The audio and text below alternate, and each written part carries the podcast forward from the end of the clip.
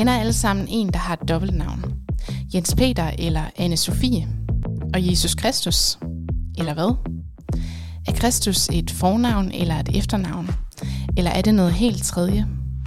Og hvis det er noget andet end et navn, hvad betyder det så for os i dag?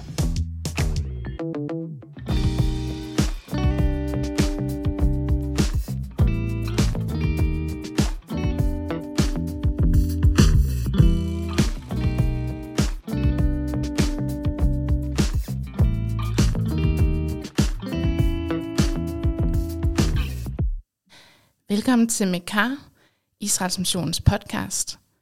Mekar er hebraisk og betyder en afkrog, der skal udforskes, eller et dybdegående studium. Og det er netop det, vi vil. Udforske Bibelens afkrog og dybder gennem samtale og studium.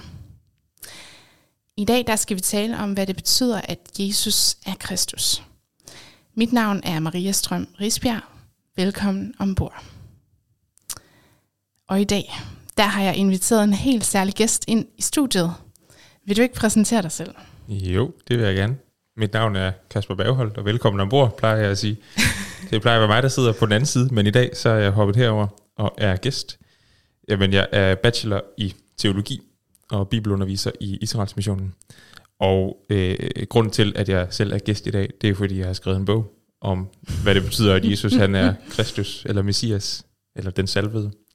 Så øh, det er nok derfor, jeg sidder herovre i dag. Fantastisk. Det er jo altid en god undskyldning for at invitere sig selv ind i studiet. Ja. Men øh, inden vi for alvor går i gang, så øh, er det jo lidt en tradition, at vi får lov til at lære vores gæst lidt bedre at kende. Og for mig er det jo også en unik mulighed for at stille dig en masse spørgsmål, som du skal svare på. Mm-hmm. Så de kommer her. Ja. Hun eller kat, Kasper? Ja, men øh, jeg tror, hun... Fordi altså, katte, de kan godt lugte lidt. Det der med sådan at have kat, det lugter lidt. Men hun skal til gengæld passes meget mere. Så jeg tror, jeg siger hun. Okay, hun. Ja. Hvilken film har du sidst grædt til? Ja. Øh, det er nok ikke så meget en film. Det, jeg så øh, indsatslederne på øh, Kanal 5, eller på Discovery+. Plus. Ja. Og, øh, og det handler jo om øh, de her politi, brand, redningsindsatsledere.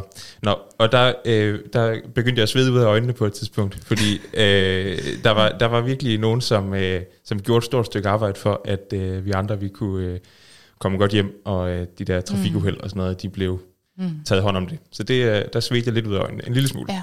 Ja. Som man jo kalder det. Ja. Godt nok. Og så det sidste her. Hvad øh, er det vigtigste, du har lært om Gud under dit teologistudie? Jeg har lært, at øh, Gud han er større, end vi kan drømme om. Mm. At Gud han er større, end vi kan forestille os. At Gud han er større, end de ord, vi bruger om ham. Det er det vigtigste. Mm.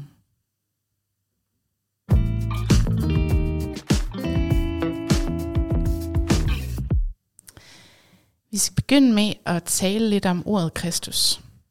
Hvad er det egentlig, det betyder? Kan du sætte lidt ord på det, Kasper? Ja, det kan jeg godt. Altså, og lad os bare starte med det. Kristus er ikke et navn. øh, Spoiler alert. Ja.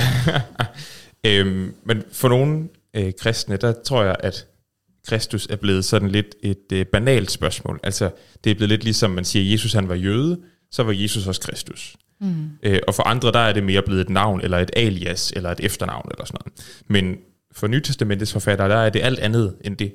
Der er det ikke en banal konstatering. Det, var, det er drivkraften bag deres teologi. Det er, det er rammen for deres virkelighedsforståelse.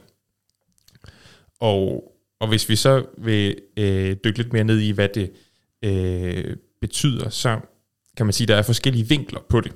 Så der er den rent sproglige vinkel, hvor øh, Kristus eller Messias, øh, det er henholdsvis græsk og hebraisk, er et adjektiv, som, altså et tillægsord, som betyder påsmurt eller salvet.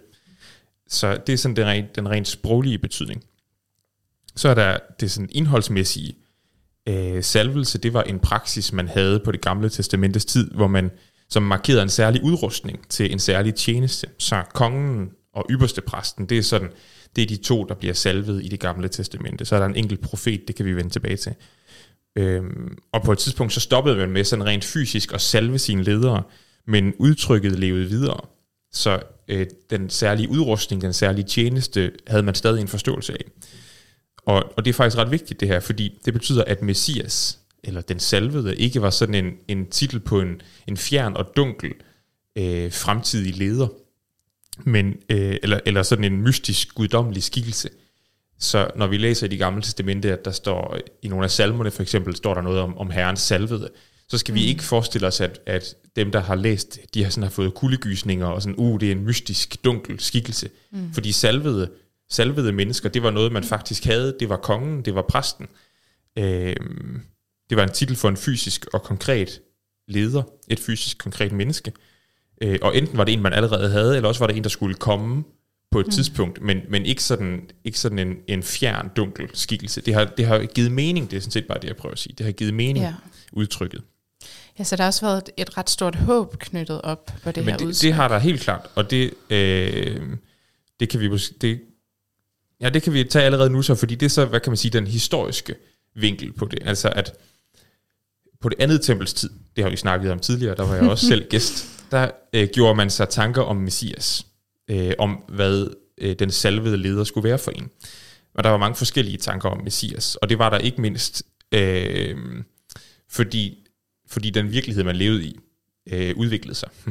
Så når man for eksempel konstaterede, at de ledere, man havde, de ikke levede op til det der ideal, man havde, så mm. det er jo klart, at man begyndte at forestille sig, tænk hvis nu der kunne være en perfekt leder, eller i det mindste bare en, der ikke gjorde det der forkert, eller det der forkert. Så der opstår det, man kan kalde messianisme, som er sådan en mere kondenseret forventning om, at Gud han vil oprejse en salvet leder, som, øh, som skal gøre et eller andet. Og, og den, den forventning, den messianisme, øh, har, altid, har altid rødder i det gamle testamente. Altså, så det er en måde at forstå det gamle testamente på. Mm. Det er en måde at læse sin bibel på, i lyset af den virkelighed, man lever i. Så når man for eksempel kunne konstatere, at romerne sad på magten, eller at Herodes han var en dårlig konge, øh, og samtidig læste i sin bibel, at, at Gud egentlig var konge, og at, at Gud han ville, han ville indsætte sin konge, så, så opstod der ligesom de her spørgsmål, eller forventninger, eller et håb, ja, øh, i hvert fald hos nogen. Øh, så er der, hvad skal man sige, den nytestamentlige vinkel, fordi øh, det nye testamentets forfattere, de deltager ligesom i den her verden, altså de er en del af den her verden. De taler det her sprog, mm. eller de forstår verden på den her måde. Øh, og, og så præsenterer de Jesus som Messias. Så øh, de er ikke bare optaget af at postulere, at han er Messias, men også vise, hvordan han er det. Fordi der var forskellige tanker om Messias, og det kan vi vende tilbage til, så øh, er det også vigtigt for dem at vise, hvordan han er Messias. Og ikke mindst, hvad det så har af konsekvenser. Så hele det nye testamente drejer ligesom om, om det der, at Jesus han er Messias. Øh, og, og det leder os så til den teologiske vinkel, at det nye testamentets forfattere, de har fået et nyt par briller, de har fået en ny virkelighedsforståelse, eller et nyt mindset, eller hvad man nu skal sige. Så vi ser det for eksempel efter Jesu opstandelse, hvor han, hvor, hvor, øh, hvor disciplene de skal have Jesus til at udlægge skriften for dem, mm for at de kan forstå, at en korsfæstet mand kan være Messias. Øh, så det, at Jesus han er Messias, det er ikke bare ligesom en, en brik, der manglede i puslespillet. Det, det omdefinerer hele puslespillets motiv, for nu at bruge det billede. Mm. Altså det, det giver dem en helt ny forståelse af, hvordan virkeligheden hænger sammen. Øh, det, giver dem, det giver dem basis for, for ja, det, vi så i dag vil kalde den kristne teologi. Det har omfattende, alt omfattende teologiske konsekvenser. Ja, jeg har også hørt dig sætte ord på tidligere, at det her med, at Jesus er Messias, er, er ligesom et postulat, kan man sige, som evangelierne er bygget op om. At det er den påstand, som evangelisterne ønsker at, øh, at give udtryk for. Ja, altså Johannes han skriver det direkte i, i øh, afslutningen af sit evangelium, der skriver han, det der er skrevet for, at I skal tro, at Jesus er Kristus. Ja. At Jesus er Messias, ja. at Jesus er den salvede. Så det er simpelthen derfor, Johannes han har skrevet sit evangelium. Ja. Når vi læser i evangelierne, så står det også ret klart, at disciplene har meget svært ved at forstå, hvem Jesus var, og at han var Messias. Hvordan kan det egentlig være? Jamen, jeg tror, jeg tror vi, skal, vi skal bære lidt over med disciplene. altså, de har ikke haft det let. Som sagt, og det vender vi tilbage til lige om lidt, så var der mange forskellige tanker om Messias. Øh, og Jesus har formentlig, det ser sådan ud i hvert fald i Matthæus, Markus og Lukas evangeliet, været rimelig tilbageholdende med at sige om sig selv, at han var Messias. Øh, og må ikke den tilbageholdenhed skyldes, at Jesus netop ikke ville sættes i bås som en eller anden bestemt Messias-type, som han så ikke var. Så, så jeg tror, at disciplene her har haft svært ved at forstå det, fordi Jesus han ikke var særlig tydelig om det. mm, øh, yeah. I hvert fald op til et vist punkt, øh, hvor det så bliver mere og mere tydeligt. Øh, så altså vi, vi kender det også i dag godt, hvis vi, vi har en eller anden forudforståelse af, hvordan noget hænger sammen, og hvis der så er nogen, der prøver at ændre den forudforståelse, så tager det faktisk ret lang tid. Øh, og det kan være ret svært for os at, at forstå ting på en ny måde. Og det er om noget det, der sker i det tilfælde her med, med øh, disciplene. Altså de får virkelig en ny ja. forståelse af, hvordan verden hænger sammen, hvem Gud er, hvordan Gud han forholder sig til verden, hvem de selv er, hvem Jesus er. Øhm, og, og ikke mindst i, i forbindelse med opstandelsen. Mm. Altså Jesus han opfylder på mange måder de her messias forventninger, som vi så også skal kigge på senere, men han bryder dem også i høj grad. Ja. Og det, det er det, han venter med, for at de virkelig skal kunne forstå det. Ja, og det er i hvert fald der, det, det, det er der, vi skal huske at bære over med det. altså ja. at tænke på, hvor svært det for os er at sætte os ud over vores, eget, ja. vores egne forudantagelse om, hvordan noget hænger sammen. Før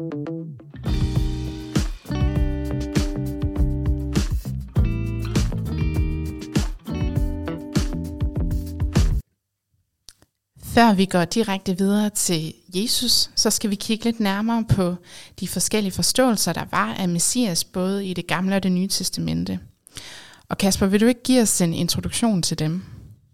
Jo, det vil jeg gerne. Altså, øh, det kan man gøre på forskellige måder. Den måde, jeg godt kan lide at gøre det på, det er ligesom at, at øh, prøve at systematisere det i nogle kasser, eller nogle, øh, nogle titler, nogle funktioner.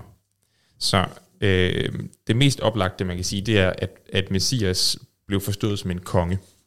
Øh, og det er det mest oplagte, fordi det er også det, det mest gennemgående i det gamle testamente. Messias er øh, frem for alt en konge. Øh, og i, øh, i en jødisk en jødisk konge i en øh, verden, hvor romerne sad på magten, det måtte jo nødvendigvis betyde, at romerne skulle fordrives fra Jerusalem. Det var ligesom den tanke, der var, mm. ikke? at, at øh, kongen også var en kriger, fordi øh, hvis Gud er konge, og Gud har indsat sin konge, så kan der ikke være andre konger. Så det er sådan det mest øh, almindelige, kan man sige, eller det mest oplagte ud fra det gamle testamente, at Messias blev forstået som en konge.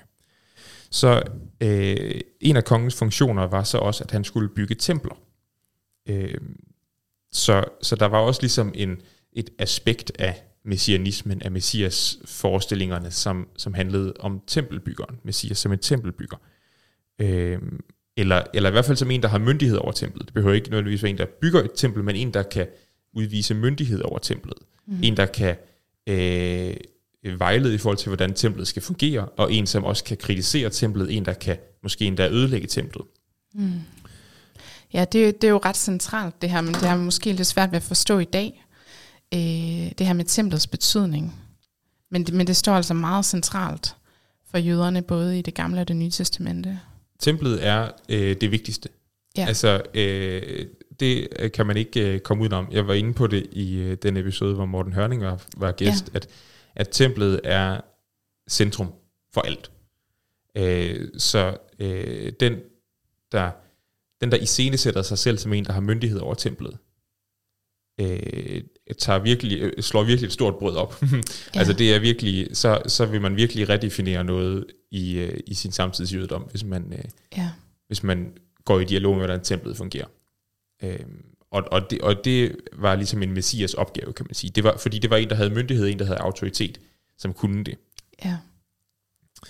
Øhm, og apropos templet, så kan man sige, det andet spor i messias øh, forestillingerne, det er jo så præste øh, sporet, kan man sige, præsteopgaven. Som nævnt så øh, er konger og præster øh, sådan de mest almindelige salvede i det gamle testamente. Og, og præsten stod selvfølgelig for tempelgudstjenesten, øh, og stod også for vejledningen af folket. Altså det var, det var præsten, der skulle sørge for, at, at folket kendte til til Guds vilje, Guds lov. Øh, og derfor så kunne der naturligt nok opstå diskussioner om, hvem der så var de rette præster. Altså, øh, hvem der havde den rette autoritet, hvem der havde den rette udrustning, hvem der havde den rette myndighed. Altså, hvem der var, hvem der var den rette salvede, hvem der var de rette salvede, de rette præster. Øh, og et, et spørgsmål, der også var, øh, som også optog mange i, i den tid her, øh, på det andet tempels tid, det var spørgsmålet om, hvor tæt embedet som ypperste præst kunne forbindes med embedet som konge. Altså kunne det for eksempel mm. være den samme, der både var konge og præst. Øh, og, og her kan man sige, der, øh, der sker noget i jødedommen sådan helt generelt, altså fordi i det gamle testamente, der kan der er kongen skal være Davids slægt, og David var af Judas stamme, og øh, præsten skal være af Arons øh, slægt, af Levis stamme. Så øh, i det gamle testamente, der er det udelukket, at kongen kan være en præst, fordi de kommer fra hver deres øh, efterkommer. Men, men øh, det tager man ikke så tungt, eller nogen tager det i hvert fald ikke så tungt på det andet tempelstid. Øh, vi har tidligere været inde på makabæerne og hasmonæerne, som, som øh, netop argumenterer for, at de, øh, fordi de opfører sig som, som rigtige konger, så har de ret til at mm. være konger, selvom de ikke var af Davids slægt. Øh, og derfor så kan de kombinere konge- og præsteembedet. Så, så man kan sige, der, der er noget rigt, der, der er noget, noget, noget pragmatik over inden noget, mm. inden over noget af det her. Øhm, ja, det kunne godt grædbøjes lidt. Det kunne sagtens Hvis man nu virkelig gerne ville være konge, ikke? Ja. det. så øhm, er der også øh, befrieren som, som person. Altså, der var nogle jøder, som ser ud til at have været af den overbevisning, at eksilet ikke var helt overstået. Altså at selvom man var vendt hjem til sit land, så øh, var eksilet ikke nødvendigvis slut endnu. Øh, for eksempel så var man stadig under fremmed herredømme. Altså det var perserne og øh, syrerne og Ægypterne og øh, til sidst romerne, der sad på magten. Og ikke Gud og Guds eget folk. Så, øh, og det var heller ikke alle jøder, der var vendt hjem fra eksilet. Der var både nogen, der boede i Babylon stadigvæk, og så var der de, de nordlige stammer, som var blevet ført i eksil nogle øh, generationer tidligere mm. end de sydlige stammer, og de var, de var fuldstændig assimileret væk. De, de eksisterede ikke mere. Så hvordan, hvordan kunne Guds folk være genoprettet, hvis nogle af dem manglede? Så der var nogen, der ligesom øh, holdt udkig efter en, en ny Moses, eller en ny Josva, eller en ny befrier af en eller anden art, som mm. kunne som kunne genopføre Exodus, genopføre udvandringen fra Ægypten og afslutte eksilet. Øh, det er sådan en meget nationalistisk forståelse. Altså, en, der kunne befri Israel øh, fra, fra det fremmede overherredømme. Ja. Og så er der den mere, hvad kan man sige, øh, en mere fredelig forståelse af Messias som en, en underviser, en lærer, en profet, en vejleder. Som nævnt, så er der kun, altså så er det kongen og præsten, der bliver salvet i det gamle testamente. Og så er der et sted, vi hører om en profet, der bliver salvet. Det er profeten Elisa, der salves som Elias' efterfølger. Men, men ellers så hører vi ikke om profeter, der er salvet i det gamle testamente. Så det er de formentlig ikke mm. været. Men, men de bliver se, sidenhen forstået som salvede. Altså som nogen, der har en særlig autoritet, myndighed og magt. Og derfor nogen, der hører til i kategorien af salvede. Øhm, og der er nogle øh, tekster fra det andet tempels tid, der taler om en messiansk lærer, eller en messiansk underviser, en messiansk profet, og måske er det et, et modsvar til den meget militante messianisme. Øhm, altså der var nogen, der mente, at der ligesom var brug for en fyldestgørende belæring om, hvordan man skulle leve som Guds folk, i retfærdighed og i hellighed. Mm. Øh, og derfor var der brug for en, en vejleder, som kunne, kunne give den vejledning. Som sådan en form for oplysningstid næsten. ja, på en måde. Eller i hvert fald, øh, altså det profeterne jo gør i det gamle testamente, det er i høj grad at lede folket tilbage til Guds vej. Når folket ligesom var gået på afvej, så skulle profeterne kritisere og problematisere og advare, og så føre folket tilbage til Guds vej. Og det er lidt det, der går igen også. Altså øh, for eksempel menigheden i Qumran, som vi har snakket om, øh, havde en forståelse af, at, at, at de ligesom var det sande Israel, og at de, alle, alle de andre øh, jøder, de var på afveje, og derfor så, øh, så kan de tale om, om, at der skal komme en eller anden, en eller anden underviser, en retfærdighedens lærer, mm. som skal overbevise alle de andre om, hvem der har ret. Og det er selvfølgelig dem selv, der har ret. Det er øh, klart. Det er klart. så, så en, der ligesom skal føre folket tilbage på det rette spor. Mm. Det er meget det, der ligger i profetopgaven. Ja. Øhm, og så er der den sidste øh, kategori, menneskesønnen. Øh, se, når, øh, når vi læser i Matthæus, Markus og Lukas evangeliet, så er det tydeligt, at Jesus han kalder sig selv for menneskesønnen frem for alt. Øh, det, er det, det, det, det, det er det, han foretrækker at kalde sig selv. Øh, og det er en, i høj grad en kryptisk titel, fordi øh, den kunne forstås messiansk. Det bliver den i nogle tekster fra det andet tempels tid, bliver den forstået som en messiansk titel. Og den har rødder i Daniels bog kapitel 7, hvor det, hvor det også ligesom kan forstås messiansk som en eller anden salvet leder, Gud han vil indsætte. Men, men selve det sproglige udtryk, menneskesønnen, kan også på øh, hebraisk og aramæisk, som var det sprog, Jesus talte, øh, kan også forstås som altså noget meget mere almindeligt. Det kan simpelthen betyde en, der er søn af et menneske. Mm. Og det er vi jo alle sammen, så derfor så kan det betyde et menneske sådan i al almindelighed. Det kan måske endda også bare betyde mig selv. Øh, så, så den, altså for eksempel i Ezekiels bog, Ezekiel han bliver kaldt for øh, menneskebarn eller menneskesøn øh, næsten 100 gange, tror jeg. Øh, og, okay. og det er det samme sproglige udtryk, altså menneskesøn. Men det betyder jo bare et menneske. Altså du der er menneskebarn, i modsætning til Gud, så er du et menneskebarn. Mm. Øh, så, så der er en, en dobbelthed i det her udtryk, menneskesønnen. Men det kunne forstås messiansk. Og når Jesus han bruger det, så er det jo tydeligt, at det nogle gange bliver brugt meget øh, sådan i den her, der, der, der udnytter han tvetydigheden. Øh, og andre gange, der er det meget tydeligt sådan en messiansk titel, altså når han siger, at menneskesønnen skal, I skal se menneskesønnen komme på himlens skyer med magt yeah. og vælde og alt sådan noget. Altså så er det jo helt tydeligt øh, en messiansk beskrivelse, altså at han har magt og myndighed og sådan noget. Mm. Og andre gange, så bruger han det mere i sådan nogle ordsprogagtige, at menneskesønnen har ikke et sted, han kan lægge sit hoved. Og selvfølgelig handler det om Jesus, men når folk har hørt det, så har det været svært for dem at afgøre, tror jeg. Hvad er det lige, ja. vi skal forstå ved det her menneskesønnen? Men hvorfor tror du, at det var Jesus foretrukne måde at omtale sig selv på? Jamen, der, jeg tror, der er flere øh, svar på det spørgsmål, og, og den mest simple er jo, at, øh, at, at hvis han havde sagt Messias, så havde alle de her klokker ringet, og, og ja. forskellige klokker havde ringet hos forskellige mennesker. Så havde nogen tænkt, det er vores militante befrier, og nogen havde tænkt, det er den gode konge, og nogen havde tænkt, det må være den, den, den rette præst, og andre havde tænkt, øh, det må være den der profet, der skal vejlede os. Mm. Øh, og, og så, så alle forskellige klokker havde, alle mulige forskellige klokker havde ringet hos forskellige mennesker. Øh, og så vi skal se på lige om lidt, så, så går Jesus meget ind i de her øh, måder at forstå Messias på. Men, men lidt på sin egen måde. Så jeg tror, det er derfor, han, han siger menneskesøn, fordi der er en, en dobbelthed, der gør, at han kan få lov til at sige nogle ting, og så forstår folk det først bagefter. Ja, det er jo smart tænkt. Det er meget smart. så, så hvis vi lige skal samle op på de her forskellige forståelser af Messias, så det, der kendetegner messianismen, altså forventningen om en salvet leder på det andet tempels tid, det var, at Gud skulle gøre noget. Gud skulle oprejse en leder, som kunne gøre noget. Men så var man uenig om resten. For man var uenig om, hvad problemet var. Var det hedningerne, eller var det vildfarne jødiske grupperinger? Man var uenige om, hvad der skulle gøres. Var det et oprør, der skulle gøres, eller var det sand belæring, der var nødvendig, eller var det den rette tempeltjeneste, der skulle genoprettes? Man var også uenige om, hvem der skulle gøre det. Var det Gud selv, eller var det en guerilla her af en eller anden art, eller var det måske en, en egyptisk farag, det der er en tekst, som måske øh, taler om, at Messias skal være en egyptisk farag, fordi det var jo ham, der mm. havde magt Øh, man var uenig om, hvornår det skulle gøres. Var det noget, der skulle gøres nu, eller var det noget, der godt kunne vente? og man var uenig om, hvad formålet egentlig var. Var målet, at man skulle fordrive hedningerne fra Jerusalem, eller at man ligesom skulle kunne bilægge de interne stridigheder? Eller var målet, at 12 folket skulle genoprettes, altså at eksilet skulle afsluttes?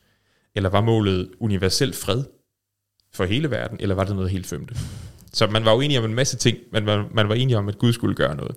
Ja, det er utroligt, at man kunne være uenig om så mange ting. ja, og det er derfor, jeg siger, at vi skal bære lidt ja. over med disciplinerne, fordi ja. de har været en del af den her verden, hvor der var de her forskellige ja. tanker og forståelse. Øh, så der er ikke noget at sige til, at de har været lidt forvirret nogle gange om, hvem Jesus egentlig var.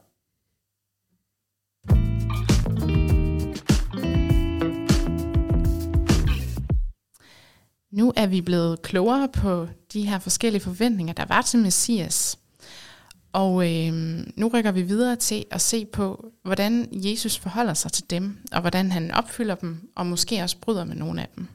Ja, og det øh, kunne vi gøre på forskellige måder, og det har jeg jo også forsøgt at gøre i min bog. Og, og øh, så tænkte jeg, ej, vi kan alligevel ikke nå at gennemgå hele, hele bogen i den episode her. Så, så, øh, det kan vi alligevel ikke. Nej, det tror jeg ikke. så, så vi laver sådan en helt kort gennemgang af øh, de første ni kapitler i Matteus evangeliet. Fordi der, der tænker jeg, der er faktisk rigtig mange af de her forskellige øh, forståelser af Messias på spil. Altså så, Matteus evangeliet begynder med sådan en lidt mærkelig slægtstavle. Øh, den er mærkelig, fordi der bliver udladt en masse generationer. Det gør der ofte i slægtstavler. Det er ikke, øh, slægtstavler har sjældent den opgave, at de skal fortælle os om alle generationerne, men de skal forbinde den første og den sidste. Det er sådan set det, der er pointen med slægtstavler. Nå, øh, og det andet, der er lidt mærkeligt ved Matteus evangeliets slægtstavle, det er, at øh, det går op med 3 gange 14. Det går op med 14 generationer fra Abraham til David, og 14 fra David til eksilet, og 14 fra eksilet til Jesus. Se, i antikken, der brugte man øh, nogle gange, og det, det er både i øh, græsk-romersk kultur og jødisk kultur, der brugte man sådan en kode, eller en måde at kunne kode sine budskaber på, hvor, fordi bogstaver har talværdi på både græsk og hebraisk. Øh, så, så man kunne gengive et navn ved at skrive et tal, og så kunne folk selv regne ud, hvad for et navn, der måske var tale om.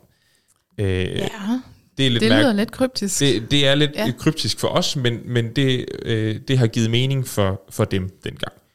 Øh, så øh, navnet David, det består af, af tre konsonanter på hebraisk, D, W og D, og de har hver sin talværdi.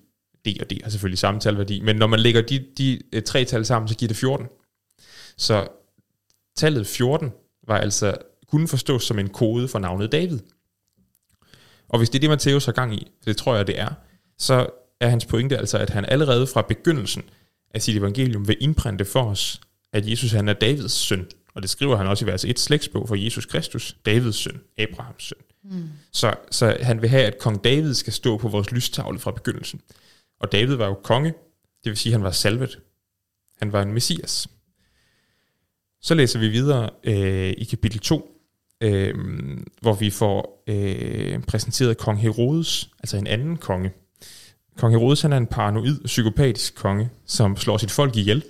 Mm. Øh, og, og så han bliver så modstillet med jødernes nyfødte konge, som de vise mænd de kommer og spørger efter. Jødernes nyfødte konge, der skal vogte folket, som en hyrde vogter sin form. Så så der, der bliver lavet en modstilling mellem den psykopatiske og paranoide konge, og så den nyfødte konge, mm. som skal være en hyrde. Så Jesus han beskrives som en konge, også i kapitel 2, men som en anden slags konge end Herodes. Ja, det, det, det er en ret fed detalje, som jeg ikke lige selv har, har tænkt over mm. før, men, men det står jo virkelig stærkt, når man stiller det op over for hinanden. Ja. At det er noget radikalt anderledes, som Jesus kommer med. Ja, det er det nemlig.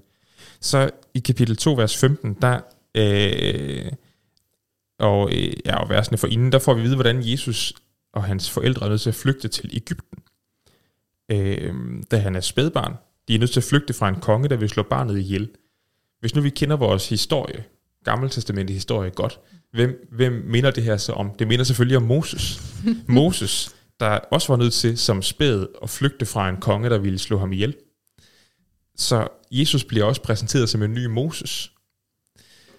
Øh, så i kapitel 3, der øh, befinder vi os ved Jordanfloden. Jordanfloden, det rimer på Moses og Josva, fordi Moses han døde lige på den anden side af Jordanfloden, og Josva var ham, der fik lov til at føre folket over Jordanfloden. Nu her, der er Jesus ved Jordanfloden, og han går endda ned i vandet, ligesom Josva gjorde. Og så er der det her citat fra Esajas 40 med, der er en, der råber i ørkenen bag en herrens vej og gør hans stier jævne.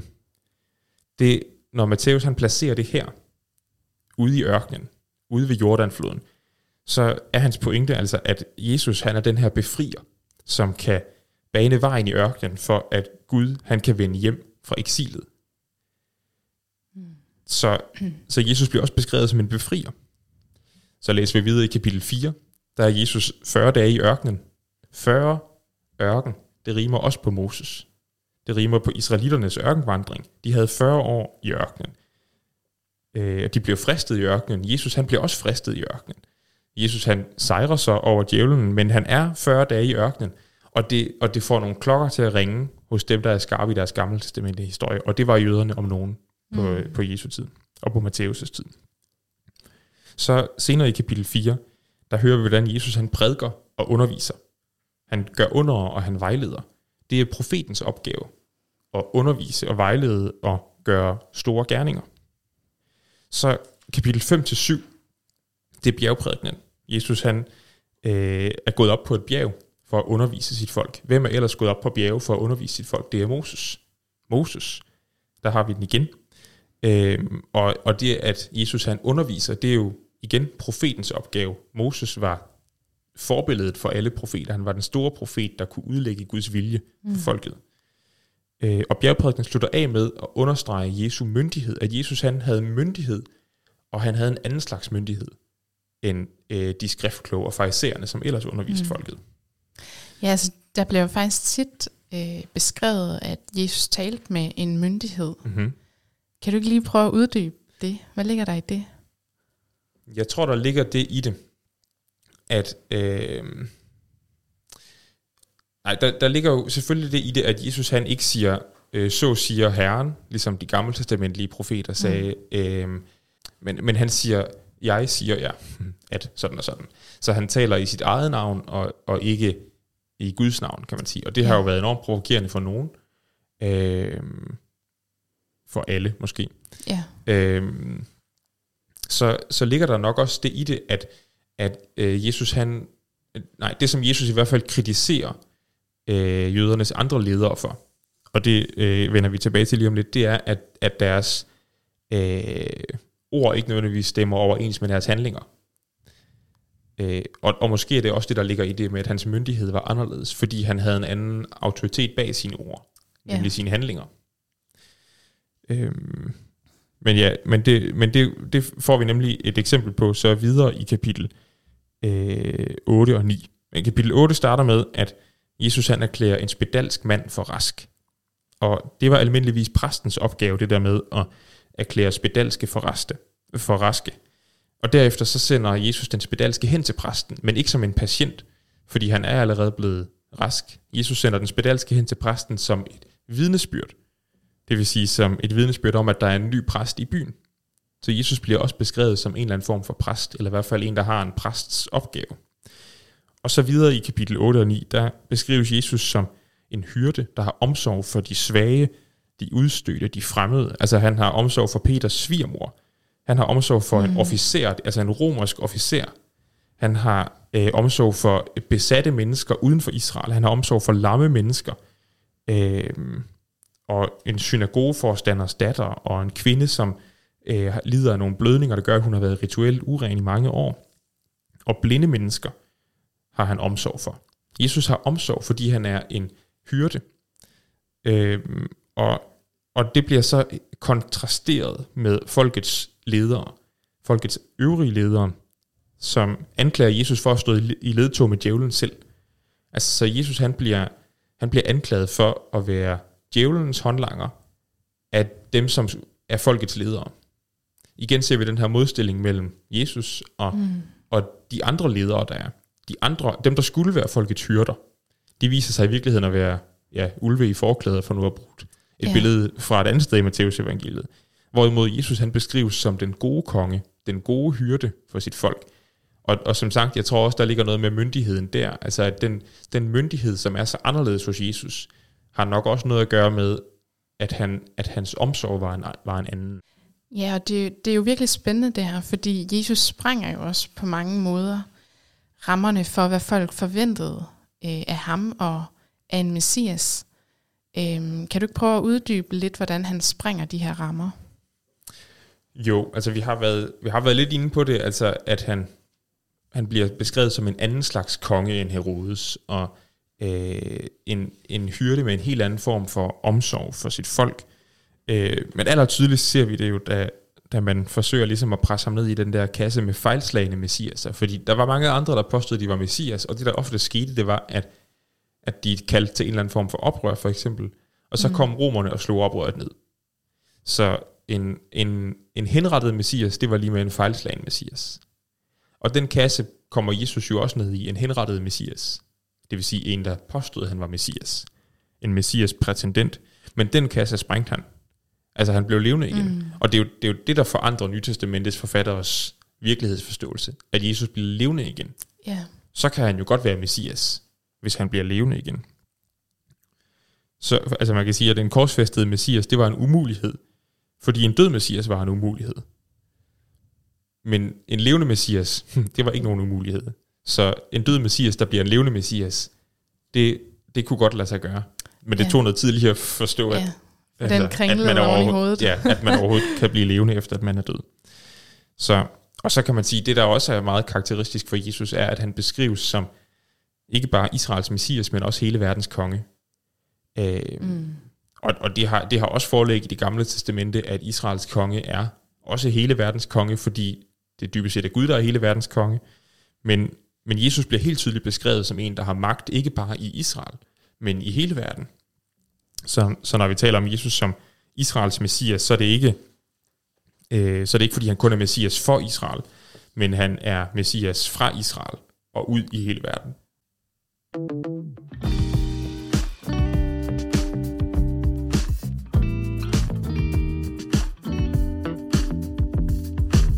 Nu skal vi vende blikket lidt hen til i dag, og kigge på, hvad er det for nogle konsekvenser, det så har for os som kristne, og for os som kirke, at Jesus netop er Israels messias, på den måde, som han, han er det på.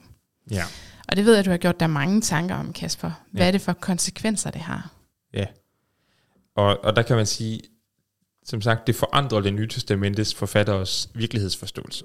Og derfor så laver det også ringe i vandet. Altså det får konsekvenser for alt det, de tænker, alt det, de gør, og alt det, de er. Øhm, og, og øh, det er også derfor, det, altså det er kirkens hovedhjørnesten. Bekendelsen til Jesus som Israels messias. Det er det, der definerer kirken. Øhm, I lutherske sammenhæng, der plejer vi nogle gange at sige, at den artikel, den trosartikel, hvormed kirken står og falder, det er øh, retfærdiggørelsen ved tro. Men jeg vil faktisk våge den påstand, at den artikel, hvormed kirken står og falder, det er bekendelsen til Jesus som Israels messias. Mm. For det er det, der definerer kirken. Det er det, der gør, at kirken eksisterer. Det er, at Jesus han er Israels messias. For hvis ikke Jesus er messias, så er der ikke nogen kirke. Nå, og så som sagt, det, det laver ringe i vandet. Det har konsekvenser for al teologi. Øh, og igen, så har jeg prøvet ligesom at, at systematisere det lidt. øh, så er det lidt, lidt nemmere at overskue. For det første, så har det konsekvenser for den måde, vi forstår Gud på. Altså Gud han er blevet en del af vores verden. Jesus han er ikke bare et særligt menneske. Altså Messias så i, i øh, sådan en antik jødisk forstand, det er et, et særligt menneske, der er udvalgt. Øh, måske en lille smule guddommelig, men, men i udgangspunktet et særligt menneske. Men, men Jesus er ikke bare et særligt menneske, som er udvalgt og indsat til en særlig tjeneste. Han er Gud selv. Han er Israels Gud, som er, har taget kød på. Mm. Og det har vi snakket om i den forrige episode, hvad det betyder, at, ja. at Gud tager kød på. Men det betyder i hvert fald, at Gud er blevet en del af vores verden. Gud er blevet en del af vores verden. Derfor så er det også konsekvenser for den måde, vi forstår historien på. Fordi historien er gået ind i en, en afgørende ny fase. Det som øh, i, i Nytestamentet både bliver kaldt for de sidste tider og for den nye skabelse. Øh, og det er sådan en underlig dobbelthed, hvor vi er i gang med at afslutte noget, og samtidig har begyndt på det nye. Mm. Øh, så det er en dobbelthed, hvor Jesus allerede er blevet indsat som hele verdens konge med al magt i himlen og på jorden, men hvor den magt endnu ikke er fuldt ud synlig. Det er en realitet, som bare ikke er synlig. Så der er en underlig dobbelthed, og historien, den historie, den verdenshistorie, vi lever i, den tid, vi lever i, er, er den her overlap mellem det gamle og det nye. Så har det konsekvenser for den måde, vi forstår, eller den måde, vi forholder os til den skabte verden på. Altså, fordi Gud han er blevet menneske, så kan vi vide noget om hans forhold til den skabte verden. Fordi Gud han vemmes ikke over den skabte verden. Gud står ikke på afstand af den skabte verden. Men han elsker den skabte verden. Han er blevet en del af den skabte verden. Og derfor så tror jeg også, at vi som kirke er kaldet til at elske den skabte verden og tage os af den skabte verden. Mm. Ja, det er jo virkelig noget, man kunne dykke mere ned i. Det kunne man, og det har vi også gjort i tidligere episoder, så det kan jeg bare henvise til så har det også konsekvenser. Det, har Jesus og Messias, har konsekvenser for den måde, vi forstår evangeliet på. Altså, hvad er evangeliet? Øh, I Apostlenes Gerninger 5, der hører vi, at apostlene, de forkynder det evangelium, at Jesus er den salvede. Så det er simpelthen indholdet af det evangelium, de forkynder. at Jesus er den salvede. Og, og det betyder, at evangeliet er, evangeliet er bredt, fordi det handler ikke kun om, at jeg bliver frelst, når jeg dør, men det handler om, at Gud han har gjort noget nu. Gud har gjort noget nu, og han er i gang med ja, en omfattende genoprettelse af alt i verden, der er gået i stykker. Evangeliet, det evangelium, hvor Jesus han er Messias, det er gode nyheder i alle de, alle de situationer, der er berørt af syndefaldet. Mm. Og det er alle situationer. Altså fordi syndefaldet har konsekvenser for hele verden. Og derfor så skal evangeliet, løsningen, skal selvfølgelig også have konsekvenser for hele verden. Ellers så er det jo ikke en løsning på problemet. Mm. Så evangeliet er, at Jesus er den salvede, at Jesus er Messias, at Jesus han er konge og har al magt, og at han allerede nu er indsat som konge. Så har øh, det, at Jesus er Messias, har også konsekvenser for den måde, vi forstår Jesus sejr over ondskaben på. Fordi Jesus vinder ikke først over djævlen på dommedag. Altså allerede nu, der har Jesus al magt. Allerede nu har han sejret. Allerede nu er han opfaret til himmels og sidder ved Guds højre hånd. Det der med at sidde ved Guds højre hånd, det er kongens plads. Så Jesu himmelfart er ikke et udtryk for, at han forlader den synkende skud, men det er et udtryk for, at han besejler sin sejr. At han indleder sin regeringstid. At han tiltræder som konge. Og det er al magt, han har. Både i himlen og på jorden. Og, og derfor så er det også det er gode nyheder. Altså det er gode nyheder til, øh, til de undertrykte. Og det er dårlige nyheder til undertrykkerne. altså fordi der er kun en, der har magt. Og det er Jesus. Mm. Så øh, det betyder med andre ord, at ondskaben, som vi jo altid møder i den her verden, får aldrig det sidste ord. Øh, og Gud er ikke øh, afmægtig over for ondskaben. Gud, øh, hvad skal man sige, Gud har vist, hvor han står i forhold til ondskaben. Gud har, Gud har vist øh, noget om sin kærlighed, og det, at han går ind i lidelsen og identificerer sig med de undertrykte. Hmm. Og at han, at han også vil straffe undertrykkerne. At det er også et vigtigt budskab, at, at Gud vender ikke bare den anden kendt til, faktisk. Gud straffer også ondskaben. Hmm. Ja, så det har i virkeligheden nogle meget, meget praktiske konsekvenser. Ja. At det ikke er bare sådan noget lidt op i skyen, men øh, det, det er egentlig meget gennemgribende for hele vores verden. Fuldstændig, ja. Det er enormt gennemgribende. Og man kan sige, hvis, hvis vi får lavet en teologi, der kun handler om ting, der sker fra mit hoved og opad, altså ting, der kun sker i en åndelig verden, så får vi lavet en teologi, der ikke rigtig har nogen forbindelse med den verden, vi lever i. Altså så bliver teologien sådan en, en overbygning til den virkelige verden. Ja. Men Gud er jo netop blevet en del af den virkelige verden, af vores verden. Så derfor så skal teologi selvfølgelig have konsekvenser i det liv, vi lever. Eller også så lever vi jo sådan et dukkehus, eller sådan en, en fiktiv virkelighed. Men, men Gud er blevet en del af vores virkelighed, mm. så teologien har konsekvenser. Og det har også, det at Jesus er Messias, det har også konsekvenser for den måde, vi forstår menigheden på, kirken på, og, og hvad Guds mission er. Det har vi også været inde på i tidligere episoder, det med mission. Øh, den kristne menighed består af dem, der bekender Jesus som Israels Messias og hele verdens konge. Og det er det, der er identitetsmarkøren i den kristne menighed. Altså det er det, der afgør, om man hører til i menigheden. Så det kommer ikke an på, som Paulus skriver, om man er jøde eller græker. Eller om, det kommer heller ikke an på, om man er teolog eller ikke teolog. Det kommer ikke an på, om man er mand eller kvinde, eller om man slet ikke identificerer sig som enten mand eller kvinde. Det er faktisk mm. ikke det, det kommer an på. Det er ikke det, der afgør, om man kan være en del af Guds menighed. Mm. For det er, om man bekender Jesus som Israels messias. Kan man kalde det en slags trosbekendelse også? Det kan man sagtens. Burde, burde vi bare have den? Den er jo rimelig kort, kan ja, man sige. Ja, det er den. Det er den. Ej, jeg tror, der, der er god grund til, at vi også sætter flere ord på, hvad det så betyder. Ja. Men, men det er klart, at for Nye Testamentets forfatter, der er det en trosbekendelse. Ja. At Jesus er Israels messias. Det er deres trosbekendelse. Nå, så øh, hvis evangeliet er bredt, så må, må mission også være bred. Guds mission er bred, øh, fordi det budskab, vi er sendt til verden med, det er ikke bare et budskab om, at vi kan blive frelst, når vi dør, men det er et budskab om, at vi allerede nu bliver skrevet ind i Guds nye fortælling om verden. Mm. Så Guds mission handler ikke om at evakuere menneskesjæle, men om at genoprette skaberværket. Og det kan vi allerede nu tage del i. Og så har det konsekvenser for den måde, vi forstår det evige liv på. Altså fordi det evige liv er ikke sådan en åndelig tilværelse på en sky, men en fysisk og konkret og menneskelig tilværelse, hvor vi skal leve i relation, i relation med andre mennesker og i relation med Gud selv. Så derfor så er det kristne håb heller ikke sådan en ligegyldig detalje, som, øh, som vi kan placere i sådan et eftermiddagsseminar, øh, og så øh, gå til og høre noget om, hvis vi er lidt særligt interesserede. Det kristne håb, det er selve grundstenen i al kristen teologi, fordi det er håbet om, at Gud ikke har forladt verden, øh, eller at Gud ikke har opgivet verden. Mm. Og hvis det er vores håb, så betyder det også, at vi ikke bliver virkelighedsfjerne. Fordi vores håb, det handler ikke om, at vi skal kigge op mod himlen og længes efter, øh, længes efter et eller andet deroppe. Vores håb er, at Gud han kommer her på jorden og mm. nyskaber alt.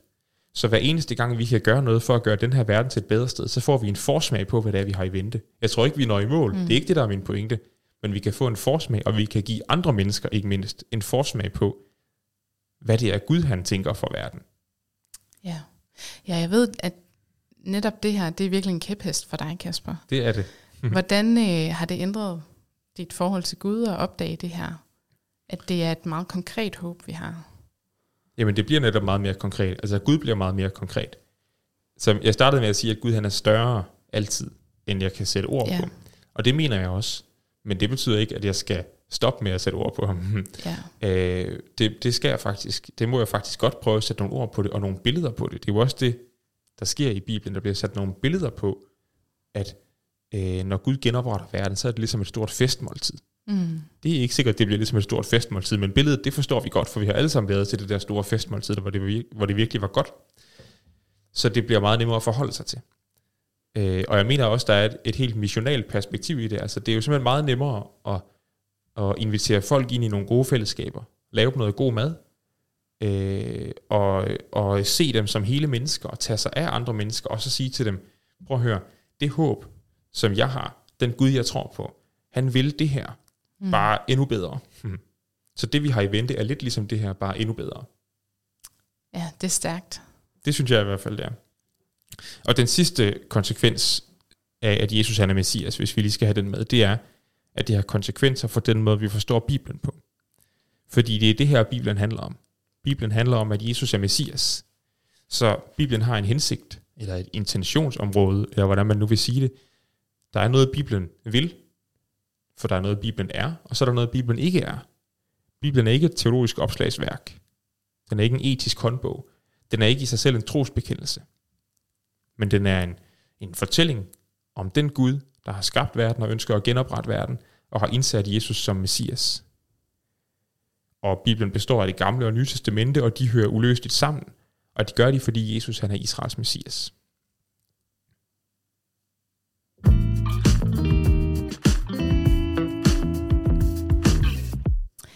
Så er vi simpelthen nået til vejs ende.